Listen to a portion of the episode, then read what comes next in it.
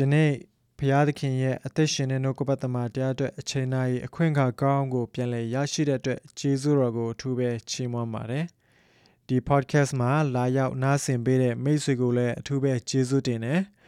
မိတ်ဆွေရဲ့လာရောက်နားဆင်ပေးခြင်းကကျွန်တော်တို့ခွန်အားဖြစ်တယ်လို့ဒီနေ့ကျွန်တော်ဝင်ကားတဲ့နှုတ်ကပတ်သမတရားဒီလည်းတင်းရဲ့အသက်တာအတွက်အကောင်းကြီးမင်္ဂလာဖြစ်မယ်လို့အထူးပဲယုံကြည်ပါတယ်ဆိုတော့ဒီနေ့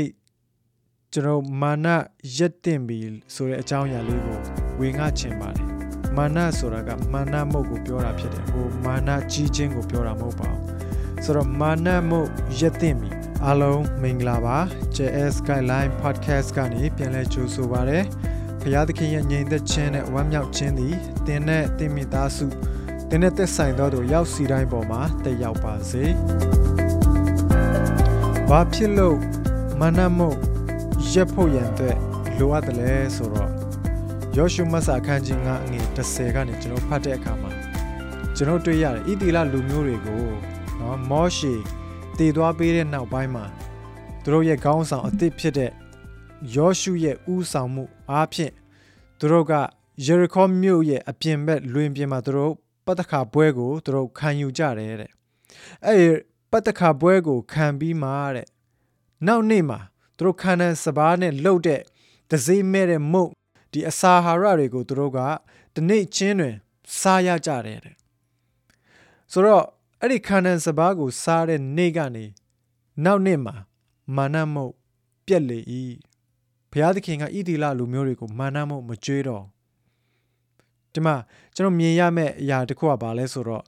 ဣတိလလူမျိုးတွေနော်ယော်ရမြစ်ကိုကူးပြီးမှ ယေရီခေါမြို့ရဲ့လွင်ပြင်မှာသူတို့ကတတ်ချပြီးမှသူတို့နေနေကြတာဖြစ်တယ်။တနည်းအားဖြင့်ပြောမယ်ဆိုလို့ရှိရင်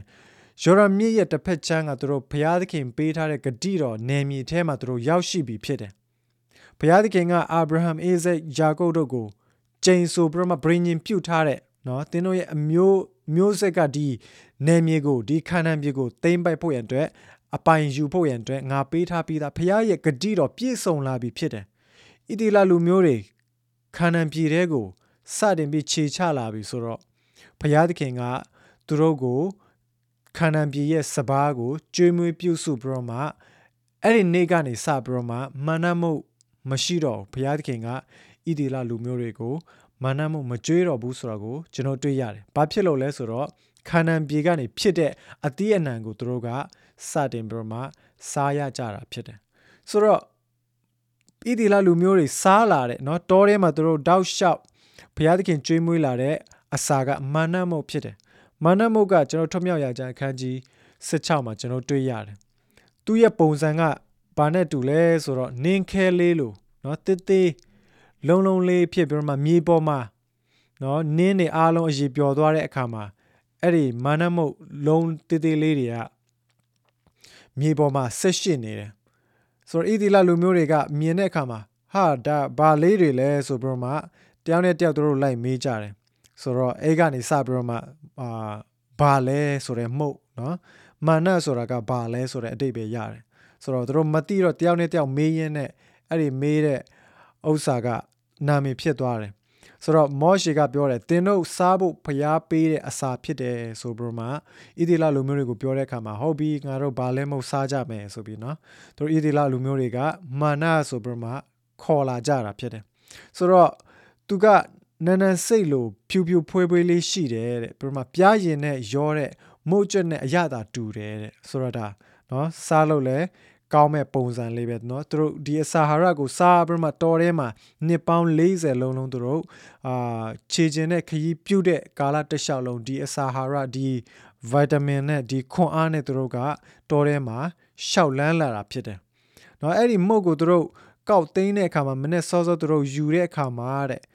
မြတ်များရတော်သူမပိုးနည်းနည်းရတော်သူမလိုအောင်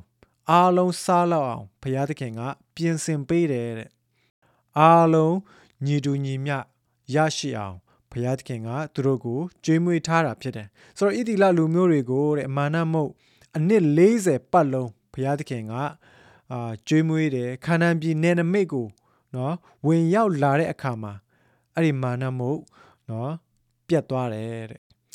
ဘုရားသခင်ပေးထားတဲ့ဂတိတော်ပြည်ခါနန်ပြည်ထဲရောက်လာတဲ့အချိန်ခန္ဓာပြည်နဲ့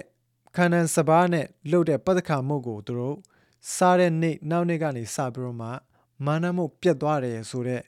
အရာကကျွန်တော်ကိုဘာကိုပြတယ်လဲဆိုတော့ဘုရားသခင်ကကျွန်တော်ရဲ့အသက်တာသူရည်ရွယ်ထားတဲ့နေရာမှာเนาะကျွန်တော်ကိုပို့ဆောင်ပြီးတော့မှအဲ့ဒီနေရာကနေပြီးတော့မှကျွန်တော်ကိုကြီးထွားရင့်ကျက်စေခြင်းတာဖြစ်တယ် ခန္ဓာပြေကိုဣတိလလူမျိုးတွေကဝင်ရောက်သိမ်းပိုက်တဲ့အခါမှာဣတိလလူမျိုးတွေရောက်တဲ့အခါမှာတဲ့မောရှေကသူတို့ကိုဘယ်လိုမှာထားသလဲဆိုတော့မင်းတို့မတူးတဲ့ရေတွင်းကိုရတယ်မင်းတို့မဆိုင်ပြောတဲ့စပြည့်ဥယင်တွေတန်လွင်ပင်တွေကိုသင်တို့ရတဲ့အခါမှာနော်မင်းတို့မဆောက်တဲ့အိမ်တွေထဲမှာနေရတဲ့အခါမှာမင်းတို့ဘုရားသခင်ကို မမေ့နဲ့တဲ့ဆိုတော့ ဣတိလလူမျိုးတွေကခါနန်ပြည်ကိုဝင်တဲ့အခါမှာအဲ့မှာရှိပြီးသားလူတွေကိုသူတို့ကတိုက်ထုတ်ပြီးတော့မှသူတို့ကနေရတာဖြစ်တဲ့အတွက်ကြောင့်မလို့အဲ့မှာနေပြီးသားလူတွေစောက်ထားတဲ့အိမ်အဲ့မှာနေပြီးသားလူတွေတူးထားတဲ့ရေတွင်းအဲ့မှာနေပြီးသားလူတွေစိုက်ပျိုးထားတဲ့နော်တန်လွင်ပင်တို့နော်စပြည့်ဥယင်တို့အဲ့ဒီအရာပိုင်ဆိုင်မှုတွေအားလုံးသူတို့ကအမွေသွားခံတာဖြစ်တယ်ဒါဘုရားသခင်ကသူတို့ကိုဂတိပေးထားတဲ့အတိုင်းဒီကောင်းကြီးကိုသူတို့ကိုခံစားစေတာဖြစ်တယ်ဒါပေမဲ့ဒီမှာကျွန်တော်စဉ်းစားရအောင် အဲ့ဒီအမွေကိုဒီတိုင်းအစင်သင့်သူတို့ဆက်လက်ပြီးတော့မှအာဝင်ရောက်ပြီးတော့မှအမွေခံရတယ်ကောင်းကြီးခံရတယ်ဒါပေမဲ့ဣဒီလလူမျိုးတွေရဲ့တာဝန်ကပါလဲဆက်လက်ပြီးတော့မှပြုစုစောင့်ရှောက်ဖို့ရတယ်သူတို့မှာတာဝန်ရှိတာဖြစ်တယ်ဒါကဘာကိုကျွန်တော်မြင်ရတယ်လဲဆိုတော့ဘုရားသခင်ကလူသားအာရန်ကိုဖန်ဆင်းပြီးတဲ့အခါမှာအာရန်နေထိုင်ဖို့အတွက်အေဒင်ဥယျင်ကိုဘုရားသခင်က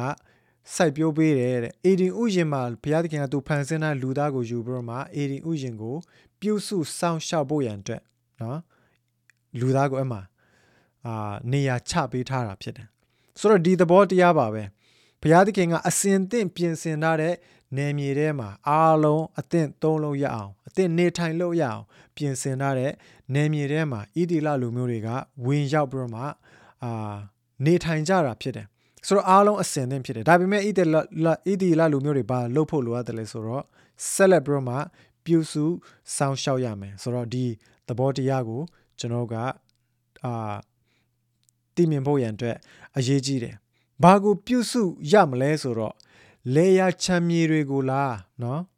ဣတိလလူမျိုးတွေပြုစုရမယ့်အရာအရာကသူတို့ ဆက်ထင်းရမယ်နော်ရေတွင်းကိုတန်းတန်းရှင်းရှင်းထားရမယ်လေယာစိုက်ပျိုးရေးအားလုံးကိုဆက်လက်ပြီးတော့မှသူ့ယာတီနဲ့သူပြန်လဲစိုက်ပျိုးမယ်နော်အာမျိုးစိကျဲမယ်ပြီးတော့မှအချိန်တိုင်းရင်ရိတ်သိမ်းမယ်ဒါတွေကိုပြောတာလားသူတို့ရဲ့စိတ်နှလုံးကို ပြုစုဆောင်ရှောက်ဖို့ရန်အတွက်ဘုရားသခင်ကဣတိလလူမျိုးတွေကိုမာထားတာဖြစ်တယ်မင်းတို့အသင့်နော်ဝင်ရောက်ပြီးမှသုံးဆောင်ရတဲ့ဒီကောင်းကြီးမင်္ဂလာသင်တို့ခံစားတဲ့အခါမှာတဲ့ဘုရားသခင်ကိုမမေ့နဲ့ ဒီအဆင့်ကိုပို့ဆောင်မဲ့တဲ့ဘုရားသခင်ကိုမမေ့နဲ့ဘုရားသခင်ရဲ့နှုတ်ကပတ်တမန်တရားကိုမင်းတို့ရဲ့နှလုံးသားထဲမှာတူမြည်ထားပါနှလုံးသွင်းထားပါတဲ့အမြဲတမ်းတတိနဲ့အာအသက်ရှင်ပါတဲ့ဘုရားသခင်ကိုဘယ်တော့ခါမှစွန့်ပစ်မသွားဖို့ရန်အတွက်ဣတိလလူမျိုးတွေကိုအကြိမ်ကြိမ်ဘုရားသခင်ကမာထားတာဖြစ်တယ်ဒီနေရာမှာကျွန်တော်ဘာကိုတွေ့ရတယ်လဲဆိုတော့ဣတိလလူမျိုးတွေက တောထဲမှာလေပတ်တဲ့အချိန်မှာဘာလဲဆိုတဲ့မုတ်ကိုစားရတယ်မူကြိုအစ်စ်မှာပဲသူတို့ကရှိတာဖြစ်တယ်သင်ယူတဲ့เนาะ training ကာလဆိုတော့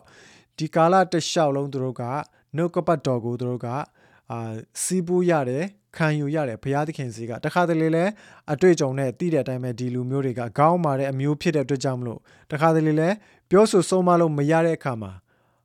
သူတို့ဘယ်လိုတွေ့ကြုံရလဲဆိုတော့ဘုရားသခင်အမျက်တော်လေးသူတို့ခံစားရတဲ့ချိန်တွေရှိတယ်ဆိုတော့တချို့တွေတေချေပျက်စီးသွားတဲ့တောထဲမှာနော်ပျောက်ကွယ်သွားတဲ့သူတွေရှိတယ်ဆိုတော့ဒီအတွေ့အကြုံဒီသင်ခန်းစာတွေများစွာကိုသူတို့ကတောထဲမှာတင်ယူရတာဖြစ်တယ်ဒါသူတို့တင်ယူဘာလဲဘာဖြစ်တာလဲဒါဘာကြောင့်ဖြစ်တာလဲဒါတင်ယူတဲ့အဆင့်မူဂျိုအဆင့်မှာသူတို့ကတောထဲမှာအာဖြတ်တန်းလာတယ်ခန္ဓာပြည်ထဲကိုဝင်ရောက်လာတဲ့အချိန်မှာတော့မူဂျူကြောင်းဆင်းပြီ မာနမှုပြတ်သွားပြီဘာလဲဆိုတာတွေပြီးသွားပြီဘုရားသခင်ကဘာလဲကိုစစ်မကြွေးတော့နော်အခုတော့ကိုယ်တိုင်လှုပ်ရှားရတော့မယ့်အချိန်ဖြစ်တယ်ခန္ဓာပြည်ထဲမှာဒါဂတိတော်ပြည်တွေဂတိတော်ပြည်ထဲမှာရောက်လာပြီဆိုလို့ရှိရင်ကိုယ်တိုင်အာရှာစားရတော့မယ်ကိုယ်တိုင်အာစိုက်ပျိုးရတော့မယ်ကိုယ်တိုင်ပြုစုပြိုးထောင်ရတော့မယ်ဒါအသင့်ပြင်ထားတဲ့ပြည်တဲ့ကိုဝင်ရောက်တာမှန်ပေမဲ့ပြုစုစောင့်ရှောက်ဖို့ရန်အတွက်တာဝန်ဝတ္တရားက သူတို့မှာရှိတယ်ဆိုတော့ဒီနေရာမှာဘုရားသခင်ရဲ့နှုတ်ကပတ်တမန်တရားကိုနှလုံးသွင်းခြင်းဆိုတဲ့အရာကိုသူတို့ကနံပါတ်1ပြုစုစောင့်ရှောက်ရမယ့်အရာဖြစ်တယ်တရားဟောရာကျမ်းထဲမှာเนาะအခန်းကြီး၄ထဲမှာမောရှေကဣတိလလူမျိုးတွေကိုဘုရားရဲ့နှုတ်ကပတ်တော်ကိုမှာထားတယ်။သင်တို့သည်တဲ့တွား၍ဝင်စားသောပြည်၌ကျင့်စရာဖို့ငါ၏ဘုရားသခင်ထာဝရဘုရားမှာထားတော်မူသည့်အတိုင်းစီရင်ထုံးဖွဲ့တော်မူချက်တို့ကိုတဲ့ သင်တို့အားငါသွန်သင်ပြီ။တို့ဖြစ်၍ထိုပြည့်ညတ်တရားတို့ကိုကျင့်ဆောင်ကြလော။တို့ပြုလျင်ထိုပြည့်ညတ်တရားရှိသမျှတို့ကိုကြားရသောလူမျိုးများရှေ့မှာသင်တို့၏ဉာဏ်ပညာသည်ထင်ရှားလိမ့်မည်သင်တို့ကိုလည်းသူတို့ကလည်းဤမြေကြီးဤကြီးမြတ်သော လူမျိုးသည်အကယ်စင်စစ်ဉာဏ်ပညာနှင့်ပြည့်စုံသော အမျိုးဖြစ်၏ဟု ဆိုကြလိမ့်မည်ဒီညမှာ သူတို့ကျင့်ဆောင်ဖို့ရန်အတွက်ဘုရားသခင်ရဲ့စီရင်ထုံးဖွဲ့ချက်ပြည့်ညတ်တရားတွေကိုဘုရားသခင်ကပေးထားတယ်ဒါတွေနဲ့သူတို့ရဲ့နှလုံးသားကိုစောင့်ထိန်ဖို့ရန်အတွက်ဖြစ်တယ်။ဘုရားသခင်စီကနေဝေးထွက်မသွားဖို့ရန်အတွက်ဘုရားသခင်အနားမှာအမြဲတမ်းရှိနေဖို့ရန်အတွက်ဘုရားသခင်ကဒီနှလုံးသားထဲမှာနှလုံးသွင်းဖို့ရန်အတွက်ဒီ အစားအစာဝိညာဉ်အစားအစာတွေကိုသူတို့ကိုပေးထားတာဖြစ်တယ်။ဆိုတော့ဣတိလလူမျိုးတွေကခန္ဓာပြည်မှာထွက်တဲ့အသီးအနှံတွေကိုစားရတယ်လို့ခန္ဓာပြည်မှာကျင့်ဆောင်ရမယ်ဝိညာဉ်အစားအစာနော်နှုတ်ကပတ်တော်ကိုလည်းသူတို့ကရရှိတာဖြစ်တယ်ဆိုတော့ဒီနေရာမှာကျွန်တော်အာကိုခန္ဓာအတွက်ရသူတို့ရဲ့စိတ်ဝိညာဉ်အတွက်ရဒီယာနှစ်ခုကိုကျွန်တော်တွေ့ရတာဖြစ်တယ်ဆိုတော့ခန္ဓာပြင်မှာသူတို့လုပ်ရမယ့်အရေးကြီးဆုံးအရာကဘာလဲဆိုတော့သူတို့ရဲ့နှလုံးသားကိုစောင့်ရှောက်ခြင်းဖြစ်တယ် ဆိုတော့ဒီဥစ္စာကကျွန်တော်ဘာကိုပြတယ်လဲဆိုတော့ယေရှုခရစ်တော်အားဖြင့်ကျွန်တော်လည်းကယ်တင်ခြင်းဆိုတဲ့နော်ခန္ဓာပြည်ထဲမှာဂတိတော်ပြည်ထဲမှာဝင်ရောက်တဲ့အခါမှာကျွန်တော်လည်းဘာလဲဆိုတဲ့တောအစာကိုပဲစားနေတော့သူမဟုတ်ဘဲနဲ့ဂတိတော်ပြည်ရဲ့ကြွယ်ဝမှုချမ်းသာเนาะ rest ဆိုတဲ့ချမ်းသာကိုရရှိတော်သူဖြစ်ဖို့ရန်အတွက်ကျွန်တော်အသက်တာအင်မတန်မှအရေးကြီးတာဖြစ်တယ် ဆိုတော့ဒီဥစ္စာကိုကျွန်တော်အာယုံကြည်သူတွေရဲ့အသက်တာနဲ့ကျွန်တော်နိုင်မယ်ဆိုလို့ရှိရင်ဘယ်လိုမြင်ရလဲဆိုတော့တချို့တွေကကဲတင်ချင်းရပြီးသွားပြီเนาะခရစ်တော်ရဲ့အသေးခံခြင်းတကြိုခြင်းပြီးတော့မှရှင်ပြန်ထမြောက်ခြင်းဆိုတော့ဒါကိုယုံကြည်တဲ့အခါမှာခရစ်တော်ဟာဖခင်သားတော်မှန်ပါတယ်ဆိုတာကိုယုံကြည်ဝန်ခံတဲ့အခါမှာသူဟာကယ်တင်ခြင်းရလာတယ်။ဒါပေမဲ့သူ့ရဲ့အသက်တာကကြီးထွားမှုမရှိဘူး။ယုံကြည်မှုနဲ့ ခြေလန်းလန်းခြင်းမရှိတဲ့အခါမှာအရာအလုံးကသူ့အတွက်ဘာလဲဘာလဲဆိုတဲ့တောအစာထဲမှာပဲသူကကျင်လည်နေတယ်။တနည်းအားဖြင့်ပြောမယ်ဆိုလို့ရှိရင်ယေရှုကိုတည်တော်သူအဆင့်မှာပဲသူကရက်တန့်သွားတယ်ဆက်ပြီးမှကြီးထွားမသွားအောင်။ဖခင်သခင်ရဲ့အကြံစီကဘာလဲဆိုတော့ခရစ်တော်အားဖြင့်နော်ကယ်တင်ခြင်းကိုရပြီးတော့မှခရစ်တော်တည်တော်သူဖြစ်ပြီးတော့မှပြီးတော့မှခရစ်တော်တည်တော်သူခရစ်တော်နဲ့ယဉ်နေကျွမ်းဝင်တော်သူဖြစ်လာဖို့ရန်အတွက်ဒါဘုရားသခင်ရဲ့အကြံစီဖြစ်တယ် ဆိုတော့ယဉ်နေကျွမ်းဝင်မှုရှိမှသာလျှင်ကျွန်တော်ရဲ့အသက်တာကတိုးတက်ပြောင်းလဲမှုရှိလာမှာဖြစ်တယ်ကျွန်တော်တည်ထားရမှာကယုံကြည်သူတွေဆိုတာတရက်ပြီးတရက်ခရစ်တော်နဲ့ပူပူတူလာသောသူတွေဖြစ်ဖို့ရန်အတွက်ဒါဘုရားသခင်ရဲ့အကြံစီဖြစ်တယ်ဆိုတော့အဲ့ဒီခရစ်တော်နဲ့တဖြည်းဖြည်းတူလာတဲ့သူတရံပြောင်းလဲခြင်းရှိလာဖို့ရန်အတွက်ကယဉ်နေကျွမ်းဝင်မှုလိုတယ်ကျွန်တော်ဘက်ကခရစ်တော်ကနော်အာကြားမှချင်းပေးနိုင်သောရှင်ကျွန်တော်ရဲ့ခက်ခဲပြဿနာကနေ အာလွတ်မြောက်ခြင်းပေးနိုင်သောရှင်ကျွန်တော်ရဲ့ဝန်ထုတ်ဝန်ပိုးတွေကိုပေါ့ပါစေတော်သူเนาะခရစ်တော်ရဲ့တတ်ဆွမ်းနိုင်မှုတွေကိုပဲသိပြီးခရစ်တော်ကိုเนาะတစ်ဖက်သက်သိနေတော်သူဒါမဟုတ်ဘဲနဲ့အပြန်အလှန်ခရစ်တော်ကလည်းကျွန်တော်ကိုတည်တော်သူဖြစ်ရအောင်ယဉ်နေကျွမ်းဝင်မှုဆိုတာလိုအပ်တာဖြစ်တယ်ဆိုတော့ယေရှုခရစ်တော်ကိုတည်တဲ့အဆင့်မှာเนาะအဲ့မှာပဲကျွန်တော်ကြံရစ်နေမယ်ဆိုလို့ရှိရင်တောထဲမှာပဲလဲပတ်နေတဲ့မူဂျူကလေးလိုပဲကျွန်တော်ဖြစ်မှာဖြစ်တယ် ယေရှုအကြောင်းသိတာကောင်းပါတယ်နော်ယေရှုကဘာဘသူဖြစ်ပါတယ် तू ဘယ်မှာမွေးပါတယ် तू အသက်ဘယ်လောက်မှာဘာဖြစ်ပါတယ် तू ဘာတွေနမိတ်လက္ခဏာတွေပြုတ်ခဲ့ပါ तू ဘယ်လိုပြောသွားခဲ့ပါတယ်ဆိုတော့ခရစ်တော်အကြောင်းနော် about him ခရစ်တော်အကြောင်းသိတာကောင်းတယ်ဒါပေမဲ့ကျွန်တော်ရဲ့ပန်းနိုင်ကဘာလဲဆိုတော့ခရစ်တော်နဲ့ယဉ်နေကျွမ်းဝင်တော်သူယေရှုနဲ့ယဉ်နေကျွမ်းဝင်မှုကပိုကောင်းတယ်အဲ့ဒါကြောင့်မလို့အကြောင်းသိတာက ဘာနဲ့တူလဲဆိုတော့ဘိုက်စာနေတဲ့အချိန်မှာမွေးကြိုင်တဲ့ဟင်းရင်နှံ့ကို ရှူတာနဲ့တူတယ်နော်ဟဟင်းအနံ့ကိုရှူလို့ဟင်းအနံ့ကိုရလို့ကျွန်တော်ဘိုက်ပြည့်တာမဟုတ်ရင်းနှီးကျွမ်းဝင်မှုဆိုတာကဘာလဲဆိုတော့ထမင်းကိုစားတာအဲ့ဒီဟင်းကိုစားလိုက်တာတနည်းအားဖြင့်ကြွယ်ဝခြင်းပြည့်စုံခြင်းပျော်ရွှင်မှုတွေကိုစတင်ခံစားရတော်သူဖြစ်တယ်။ယင်းနှကျွမ်းဝင်မှုကကျွန်တော်ရဲ့ပန်းနိုင်ဖြစ်တယ်။ယင်းနှကျွမ်းဝင်မှုရှိဖို့ရန်အတွက်အင်မတန်မှအရေးကြီးတာဖြစ်တယ်။ ပီတယူရဲ့အသက်တာကိုကျွန်တော်ကြည့်ရအောင်။သူကခရစ်တော်နဲ့၃နှစ်လုံးလုံးနော်အတူသွာလာပြီးမှခရစ်တော်ရဲ့အနီးနားမှာအမြဲတမ်းရှိတဲ့တပည့်တော်တယောက်ဖြစ်တယ်။ဆိုတော့ဒီနေ့တော့ခရစ်တော်ကနော် prophet ပြုတဲ့အတိုင်းပဲဖန်ခံရပြီးတော့မှသူ့ကိုလက်ဝါးကားတိုင်းတင်ဖို့ရန်အတွက်စီရင်ချက်ချဖို့ရန်အတွက်သူ့ကိုခေါ်သွားတဲ့အခါမှာတပည့်တော်တွေဘေးနားမှာတရားမှမရှိတော့เนาะအဝေးလွင့်အားလုံး ထွက်ပြေးကုန်ပြီအပေတယောရာစိတ်မကောင်းဘူးဆိုတော့အနီးကတော့မလိုက်ရဲဒါပေမဲ့ခက်ဝေးဝေးကနေခရစ်တော်ဘာတွေဆက်ဖြစ်မလဲဆိုပြီးမှလိုက်နေတဲ့အခါမှာအဲ့မှာလူအုပ်ကြီးထဲမှာတချို့ကရိပ်မိတယ်ဟာဒီလူကခရစ်တော်နဲ့ယေရှုနဲ့အတူရှိဘူးတဲ့သူပဲဆိုပြီးမှလာပြောကြတယ်အဲပီတယုကအပြက်တကုံညင်းတာဖြစ်တယ်ဘာလို့လဲဆိုတော့တိတယ်ဆိုလို့ရှိရင်ခရစ်တော်နဲ့တူအမှအသေးခံရမှာအသက်ခံရမှာဆိုတော့ အသက်မခံခြင်းတဲ့အတွက်ကြောင့်မလို့မသေးခြင်းသေးတဲ့အတွက်ကြောင့်မလို့မသိပါဘူးเนาะဒီလိုကိုငါမသိပါဘူးလို့အတကုံညင်းတာဖြစ်တယ်ဒါပေမဲ့ तू ဘလောက်ပဲညင်းညင်းလူတွေကဘာရိပ်မိတယ်လဲဆိုတော့ပေတရုရဲ့နေပုံထိုင်ပုံပေတရုရဲ့ပြောဆိုပုံနော်အသက်တာကိုယ်တိုင်ကခရစ်တော်နဲ့တူနေတာဘာဖြစ်လို့လဲဆိုတော့ခရစ်တော်နဲ့ယဉ်နေကျွမ်းဝင်မှုရှိလို့ဖြစ်တယ်ဆိုတော့ယေရှုခရစ်တော်နဲ့ကျွန်တော်ကယဉ်နေကျွမ်းဝင်မှု ရှိလာပြီဆိုလို့ရှိရင်ကျွန်တော်ရဲ့အပြုမှုကျွန်တော်ရဲ့ပြောဆိုပုံဟန်ပန်အမှုရာတွေကတက်တည်ပြလာမှာဖြစ်တယ်ငါကယဉ်နေကျွမ်းဝင်မှုရှိပါတယ်လို့ကျွန်တော်ကပြောနေစံမို့ပါဇက်ကပြောစံမလို့လူတွေကကျွန်တော်ရဲ့အသက်တာကိုကြည့်ပြီးတော့မှတက်တည်ထူလာမှာဖြစ်တယ်ဆိုတော့ပြောမယ်ဆိုလို့ရှိရင်ဒီလောက်နီးပညာထွန်းကားတဲ့ခေတ်ကာလကြီးမှာအံ့ဩဖို့ကောင်းတာကယေရှုခရစ်တော်ရဲ့ကယ်တင်ခြင်းတည်င်းကောင်းကို မသိတဲ့သူတွေမကြားသိတဲ့သူတွေအများကြီးရှိတယ်။ အဲ့ဒါဘာကြောင့်လဲ။ကျွန်တော်ယုံကြည်တာဘာကြောင့်လဲဆိုတော့ယေရှုအကြောင်းကိုသိထားတဲ့ယုံကြည်သူတွေကမာနမဟုတ်ပဲစားနေကြလို့ဖြစ်တယ်။ယေရှုကိုသိထားတဲ့သူကယ်တင်ခြင်းရပါတယ်ဆိုတဲ့ယုံကြည်သူတွေကကြီးထွားမှုမရှိဘဲနဲ့မူကြိုအဆင့်မှာမာနမှုပဲစားနေကြလို့ဖြစ်တယ်ဒီနေ့ယုံကြည်သူတွေက တဆင့်ပြီးတဆင့်ကြီးထွားလာပြီးခရစ်တော်နဲ့ပူပူတူလာတော်သူဖြစ်ဖို့ယဉ်နေကြောင်းမှုရှိတော်သူဖြစ်ဖို့ရန်အတွက်ဒီနေ့ဘုရားသခင်ကကျွန်တော်ကိုအလိုရှိတာဖြစ်တယ်ဂတိတော်ပြည်ခါနန်ပြည်ထဲမှာဝင်စားတယ်ဆိုလို့ရှိရင်ကျွန်တော်ကခါနန်ပြည်မှာရှိတဲ့နော်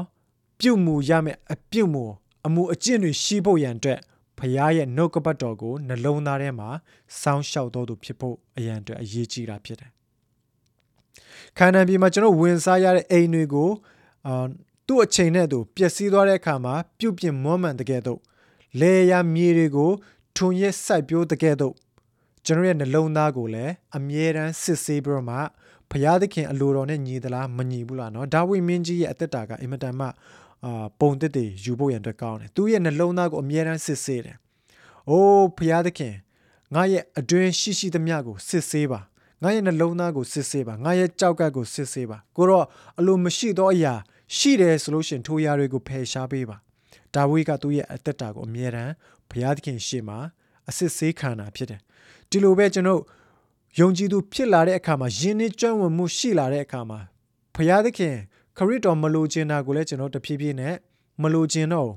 ခရစ်တော်မနစ်သက်တဲ့အရာတွေကိုလည်းကျွန်တော်တဖြည်းဖြည်းနဲ့မနစ်သက်တော့ကျွန်တော်ရဲ့အသက်တာတဖြည်းဖြည်းနဲ့ ပြောင်းလဲလာတာဖြစ်တယ်ဆိုတော့ဒီလိုပြောင်းလဲခြင်းနှလုံးသားပြောင်းလဲခြင်းပြုပြင်ခြင်းเนาะပြုစုစောင့်ရှောက်ခြင်းအသက်တာတဖြည်းဖြည်းရှိလာတဲ့အခါမှာ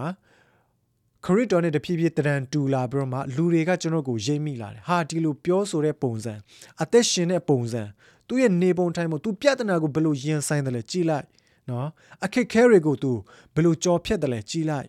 နော်ခရစ်တော်နဲ့တူတယ်အမြဲတမ်းငြိမ်သက်ခြင်းနဲ့ ပြည့်နေတယ်အမြဲတမ်းယုံကြည်ခြင်းစကားပဲပြောတယ်အမြဲတမ်းနော်ဖရာသခင်မြင်တဲ့ကဲ့သို့မြင်တယ်အမြဲတမ်းဘုရားသခင်နှလုံးသားရှိတဲ့အတိုင်းဘုရားသခင်ခံစားတယ်လို့ခံစားတတ်တယ်ဘုရားသခင်နှလုံးသားကြေကွဲတဲ့နေရာမှာသူလည်းကြေကွဲခံစားပေးတယ်နော်မရှိစင်းရဲသားတွေမြင်တဲ့အခါမှာလူတွေရဲ့ပြစ်ပယ်ခြင်းခံစားမှုတွေမြင်တဲ့အခါမှာသူတနာကျင်တာတဲ့ဘုရားသခင်နဲ့တဖြည်းဖြည်းတူလာခြင်းကိုဒီနေ့ကျွန်တော်ရဲ့အသက်တာထဲမှာလည်း မြင်တွေ့လာရမှာဖြစ်တယ်ဒါဖရာသခင်ကဒီနေ့ယုံကြည်သူတွေခန္ဓာပြေကိုရောက်တဲ့အခါမှာကျွန်တော်ရဲ့အသက်တာပြုပြင်ပြောင်းလဲမှုရှိဖို့ရန်အတွက်ဖရာသခင်မျှော်လင့်တဲ့အရာတစ်ခုဖြစ်တယ်ဒါကြောင့်မလို့ဒီနေ့ယုံကြည်သူတွေကမာနပြက်ပြီးတော့မှမာနရက်ထားပြီးတော့မှခန္ဓာပြေထဲမှာရှိတဲ့ခန္ဓာအစားအစာခန္ဓာပြေထဲမှာကျင့်ဆောင်ရမယ်အာဘုရားသခင်နှုတ်ကပတ်တမန်တရားကိုစောင့်ရှောက်တော်သူဖြစ်ဖို့ရန်အတွက်ဒီနေ့ကျွန်တော်ရဲ့အသက်တာပြောင်းလဲဖို့ရန်အတွက်အင်မတန်မှအရေးကြီးတာဖြစ်တယ် ပရမဒီမှာနောက်ဆုံးတစ်ချက်အနေနဲ့ဣတိလလူမျိုးတွေခန္ဓာပြည်တဲ့ကိုသူတို့ကဘယ်လိုဝင်ရောက်တယ်လဲတကယ်တော့ယောရှုဦးဆောင်တဲ့ဣတိလလူမျိုးတွေကမျိုးစစ်တစ်တွေဖြစ်တယ်မျိုးစစ်တစ်တွေကိုမောရှေကခန္ဓာပြည်တစ်ဖက်ချမ်းကမ်းတစ်ဖက်เนาะအာမြစ်ရက်တစ်ဖက်ကိုမကူးခင်မှာတရားဟောရာကျမ်းထဲမှာတွေ့ရတဲ့ နှုတ်ကပတ်တမန်တရားဘုရားသခင်ရဲ့စီရင်ထုံးဖွဲ့ချက်တွေကိုပြန်လည်ပြီးမှတတိပေးသွန်သင်တယ်။ဘာဖြစ်လို့လဲဆိုတော့အရင်တုန်းကအတိနာတောင်ခြေရင်းမှာဘုရားရဲ့စီရင်ထုံးဖွဲ့ချက်နဲ့နော်ဘုရားရဲ့နှုတ်ကပတ်တော်တွေဘုရားရဲ့ပြည့်ညက်ချက်တွေကိုပြောထားတဲ့လူတွေအဲ့ဒီ generation တွေအားလုံးတော်ထဲမှာတည်ကုန်ပြီ။အခုခန္ဓာပြေကိုဝင်မဲ့သူတွေကအဲ့ဒီတည်သွားတဲ့သူတွေရဲ့သားသမီးတွေဖြစ်တယ်။ဆိုတော့ဒုတိယ generation ကဒါခန္ဓာပြေတဲ့ကိုဝင်သွားတာဖြစ်တယ်။ ပထမ generation တွေလည်းသူတို့ခန္ဓာပြေကိုဝင်ရောက်ဖွင့်တဲ့တစ်ခေါက်သူတို့စူးစမ်းသေးတယ်အဲ့မှာတရှိုစစ်နှစ်ယောက်ကိုသူတို့စေလွတ်ပြီးတော့မှပြန်လာတဲ့တရှိုတွေထဲမှာယောရှုနဲ့ကာလက်နှစ်ယောက်ကပဲကောင်းတဲ့စကားကိုယူဆောင်လာတယ်ကျန်တဲ့10ယောက်ကအနုလက္ခဏာဆောင်တဲ့မဖြစ်နိုင်ဘူးဆိုတဲ့အာတရင်စကားယူဆောင်လာတဲ့အခါမှာဣတိလလူမျိုးတွေအားလုံးတမျိုးတဆွေလုံးအားလုံးကကြေကွဲဝမ်းနေကြတယ်စိတ်ပြတ်ကြတယ်ငါတို့တောထဲမှာတေဖို့ ဘာလို့ခေါ်လာတယ်လဲနော်ဘုရားသခင်ပေးထားတဲ့ဂတိတော်ပြည်ခန္ဓာပြည်အရန်ကောင်းတယ်ဒါပေမဲ့ဒီလူတွေကြောက်ဖို့အရန်ကောင်းတယ်ဒီလူတွေအရန်ရက်ဆက်တယ်ဒီလူတွေအရန်အကောင်ကြီးတယ်ငါတို့နဲ့နိုင်ဖို့နော်ငါတို့နဲ့နိုင်လို့မရအောင်ငါတို့သွားတိုက်လို့ရတော့ငါတို့တေးမှာငါတို့ရှုံးမှာတေးကြတယ်ဆိုပြီးဆိုတဲ့သတင်းဆိုးကိုသူတို့ယူဆောင်လာတဲ့အခါမှာသတင်းကောင်းကနှစ်ခုပဲနှစ်ယောက်ကပဲယူဆောင်လာတဲ့အတွက်ကြောင့်မလို့မနိုင်မဲနဲ့သူတို့အဲ့ဒီအချိန်တုန်းက ခန္ဓာပြေကိုမဝင်လိုက်ရဘူးဆိုတော့သူတို့ပထမစူးစမ်းခဲ့တယ်အဲ့ဒါကိုကျွန်တော်ဓမ္မတိကျမ်းမှာဟေဘရဲဝါဒစာထဲမှာကျွန်တော်ဘယ်မှာတွေ့ရလဲဆိုတော့ဟေဘရဲဝါဒစာအခန်းကြီး၄မှာဟေဘဟေဘရဲဝါဒစာအခန်းကြီး၄မှာနော်ဂတိတော်ပြည်ထဲကိုဝင်ရောက်ဖို့ရန်အတွက်တည်င်းစကားဖျားသခင်ရဲ့ဂတိတော်ကအဲ့ဒီလူမျိုးတွေအဲ့ဒီဣတိလလူမျိုးတွေသူတို့ရဲ့ဘိုးဘေးတွေစီမှာရှိပြီးသားတဲ့ ဒါပေမဲ့ဒီလူတွေကမယုံကြည်တဲ့အတွက်ကြောင့်မလို့ခန္ဓာပြေကိုချမ်းသာတဲ့ကိုဝင်ရောက်ခွင့်မရခဲ့ဘူးတဲ့ဒီနေ့ကျွန်တော်ယုံကြည်သူတွေလည်းကဲတင်လွတ်မြောက်ခြင်းတော့ရသွားပြီเนาะအပြစ်ထဲကနေရွေးနှုတ်ခြင်းတော့ရောက်သွားပြီဒါပေမဲ့ဘုရားသခင်ရဲ့ရည်ရွယ်ချက်ထဲမှာကဲတင်ရွေးနှုတ်ခြင်းရဲ့ရည်ရွယ်ချက်ဖြစ်တဲ့ဂတိတော်ပြေကိုဝင်စားခြင်းဆိုတဲ့နေမြေထဲမှာတွားရောက်ဝင်ရောက်ဖို့ကကျွန်တော်ယုံကြည်ခြင်းနဲ့တွားရောက်ဝင်ရောက်ဖို့ရန်အတွက် အရေးကြီးတာဖြစ်တယ်။ဒီနေ့ယုံကြည်ခြင်းမရှိဘူးဆိုလို့ရှိရင်တော့ဘုရားသခင်ရဲ့ချမ်းသာတဲ့ကိုဝင်ရောက်လို့ရမှာမဟုတ်ဘူး။ဒီနေ့ယုံကြည်ခြင်းနဲ့ခြေလန်းလမ်းပြီးတော့မှဘုရားသခင်ရဲ့ငြိမ်သက်ခြင်းချမ်းသာတဲ့ကိုဝင်ရောက်မယ်။ဂတိတော်ပြည်ထဲကိုဝင်ရောက်မယ်။ဂတိတော်အစာကိုစားမယ်။ခန္ဓာအစာကိုစားမယ်။ကျွန်တော်ဘုရားသခင်နှုတ်ကပတ်တမန်တရားကိုကျွန်တော်နှလုံးသားထဲမှာပြုစုစောင့်ရှောက်မယ်ဆိုလို့ရှိရင်ကျွန်တော်ရဲ့အသက်တာကအောင်မြင်တော်သူ ဖြစ်လာမှာဖြစ်တယ်။ယုံကြည်ခြင်းဆိုတာကလေလူရဲ့အထဲမှာဖြစ်တဲ့ကိစ္စဖြစ်တယ်။ဘယ်သူမှအပြင်ကလူတွေမမြင်နိုင်ဘူး။ဒါကြောင့်မလို့ဘုရားသခင်ကသူ့ရဲ့သားသမီးများအားဖြင့်ဘုရားသခင်ဘုန်းတော်ထင်ရှားစေဖို့ရန်အတွက်ကျွန်တော်မှာပေးထားတဲ့ယုံကြည်ခြင်းဘေးကလူတွေမမြင်နိုင်တဲ့ယုံကြည်ခြင်းကိုတက်တည်ရှိပြီးမှထင်ရှားစေဖို့ရန်ဘုရားသခင်အလိုရှိတာဖြစ်တယ်။ဒါကြောင့်မလို့ကျွန်တော်ယုံကြည်ခြင်းနဲ့ခြေလန်းလန်းခြင်းအားဖြင့်တက်တည်ပြဖို့ရန်အတွက်ဖြစ်တယ်။ယုံကြည်ခြင်းနဲ့လှုပ်ဆောင်မှုအားဖြင့် တက်တည်ပြဖို့ရန်အတွက်အရေးကြီးတယ်။ယုံကြည်ခြင်းအသက်တာနဲ့ကျွန်တော်ရဲ့အသက်ရှင်မှုနဲ့တက်တည်ပြဖို့ရန်အတွက်အရေးကြီးတာဖြစ်တယ်။ဒီနေ့ဘုရားသခင်ဟာသူ့ရဲ့သားသမီးများကိုချစ်တယ်။သူ့ရဲ့သားသမီးများကိုအမြဲတမ်းတတိနဲ့စောင့်ရှောက်တယ်။သူ့ရဲ့သားသမီးများကိုအမြဲတမ်းကြွယ်ကားတယ်ပို့ဆောင်ပေးတယ်။သူ့ရဲ့အကြံစီတော်ထဲမှာအမြဲတမ်းပို့ဆောင်ပေးတဲ့ဘုရားဖြစ်တယ်ဆိုတာကိုကျွန်တော်ခန္ဓာပြေမှာဒီအစာဟာရကိုသုံးဆောင်ခြင်းအဖြစ်တာ၍တိုး၍ကျွန်တော်ကတည်မြင်လာရမှာဖြစ်တယ်။ဒါကြောင့်မလို့ မာနမဟုတ်ပဲမစားနဲ့တော့ခန္ဓာပြည့်ရဲ့အစာကိုလည်းကိုယ်တိုင်စားကြည့်ပါအောင်လို့ကျွန်တော်ဖိတ်ခေါ်ချင်တယ်တောထဲမှာလဲပတ်တဲ့တောအစားအစာကိုပဲမစားနဲ့လို့မူဂျူချောင်းကိုဆင်းပြီးတော့မှဒီနေ့ကြီးထွားရင့်ကျက်ခြင်းအသက်တာထဲမှာဂတိတော်ပြည်ထဲမှာအာအသက်ရှင်နေထိုင်ဖို့ရတဲ့ဖိတ်ခေါ်ချင်တယ်အရောက်စီတိုင်းဖျားရှင်နှုတ်ကပတ်တော်အဖြစ်ကောင်းချီးပေးပါစေ